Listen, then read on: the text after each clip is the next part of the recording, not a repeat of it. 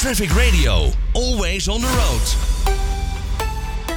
En tegenwoordig zijn we druk bezig met het eh, verduurzamen van auto's, bussen en vliegtuigen. Maar ook e-bikes kunnen een stuk duurzamer worden geproduceerd. Een bedrijf die dat doet, dat heet Mokumono ehm, Cycles. eh, als ik het allemaal goed heb. Eh, en en eh, wij hebben daarvan aan de lijn medeoprichter Tom Schiele. Tom, een hele goede middag. Hoi, goedemiddag. Zeg ik het allemaal goed? Je zegt het helemaal goed, ja, Mokimono. Kijk, gelukkig. En jullie hebben een duurzame e-bike. Wat kan er duurzamer aan die e-bike, hoe die op dit moment geproduceerd wordt? Ehm, ja, waar wij ons op richten is het produceren van de e-bike eh, zoveel mogelijk eigenlijk in Nederland en Europa. Ehm, omdat het traditioneel gezien wordt een fiets in, eh, in Azië gemaakt. Ehm, tenminste, tot eind jaren 90 van de vorige eeuw gebeurde het ook veel in Europa, maar het is veel handwerk, dus het is naar Azië allemaal verkast. Ja. Eh, en wij wilden eigenlijk eh, ja, gewoon weer een echte Nederlandse fiets maken. Eh, met het grote voordeel dat als we het hier maken, dat het dan nu natuurlijk hier niet heen hoeft te komen met, ehm eh met zeevacht bijvoorbeeld. En daar zit dan ja, eigenlijk het grote verschil in ehm, uiteindelijk de footprint die de productie van onze fiets nodig heeft ten opzichte van die van sommige van onze concurrenten. Juist, dus het gaat echt om die footprint die dus eh, omlaag wordt gedrukt. Eh 100% in Europa of zelfs in Nederland. Eh het is nu nog eventjes Europa, toch? Ja, het is Europa. eh, en de, de volle 100% halen we ook nog niet. We zijn ook afhankelijk van, ehm, ja, van andere fabrikanten. Eh, dus we gaan nu steeds meer onderdelen in eigen beheer eh, zelf maken. Dus we zijn begonnen in 2016 eigenlijk met de ontwikkeling van een frame. Eh, en nu zijn we ook een voorvork, stuur, stuurpencombinatie, velgen, spatborden in Nederland aan maken. En dan proberen we de andere onderdelen die we allemaal nodig hebben om een fiets te maken, zoveel mogelijk in Europa te, te kopen. Maar sommige onderdelen worden gewoon simpelweg hier niet gemaakt of zijn dan niet, niet, niet het juiste onderdeel voor, voor het type fiets dat wij maken. Ehm, maar dat is de uitdaging om dan eh, eh, ja, te blijven zoeken. En het is ook wel iets wat ook bij fabrikanten, toeleveranciers, eigenlijk in elke branche nu gewoon op de agenda staat. Ehm, dus in de toekomst gaat dat zeker mogelijk zijn. Ja, want het zijn wel hele hippe fietsen. hè? Het zijn niet een soort eh, stadsfietsen. Nou, het, ja, het zijn hippe stadsfietsen zou je dan kunnen zeggen. Ja, zijn wel, eh, veel, veel van onze klanten gebruiken ze wel gewoon in en om de stad. Ja. Ja. Woonwerk, fietsen. Ja. Eh, en het nieuwe model, de Polder, ja, zien we echt als een heel, hele praktische fiets.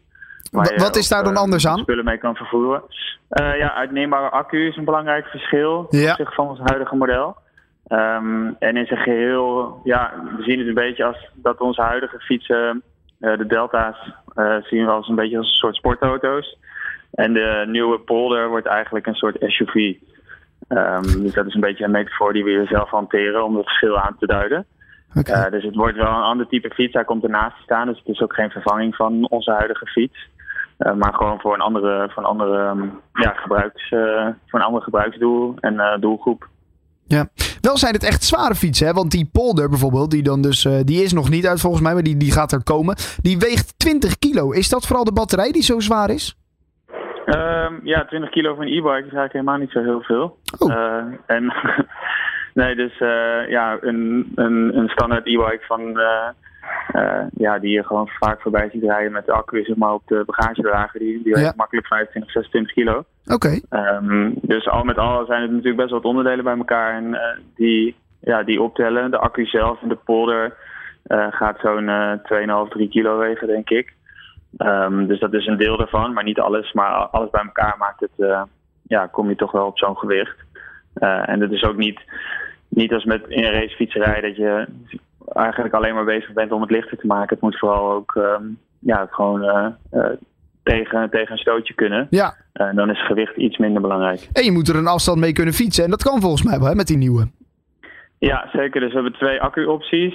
En in de, met de kleinste accu heb je zo'n 80 kilometer range. En met de grote accu eh, zo'n 120. Ehm, dus dat is wel meer dan genoeg voor wat de meeste mensen op een dag doen natuurlijk. Ja. Eh, of in een week. Dus dat is, dat is dan relaxed. Nou, dat is inderdaad zeker relaxed. Eh, wanneer, wanneer gaat die nieuwe eh, e-bike er komen, die polder? ja, dus we hebben hem nu ehm, eigenlijk aangekondigd met een pre-order. En dan met een week of vier, vijf eh, kan er ook getest worden.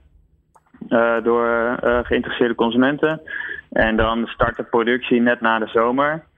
Dat heeft te maken dat gewoon ja, die onderdelen die we dus niet zelf maken, moeten we gewoon inkopen. En daar zijn de leeftijden in de fietsindustrie op dit moment erg lang. Ja. Dus het duurt nog tot, tot denk augustus dat we alle spullen in huis hebben en dan kunnen we de productie opstarten. Kijk, en dan kan je dus op een prachtige, duurzame e-bike stappen. Uh, Tom, ik wil je bedanken. Hè? Succes met, uh, met jullie bedrijf. Ja, dankjewel. Oké, okay, top. Leuk dat ik uh, er wel mocht zijn. Traffic Radio, always on the road.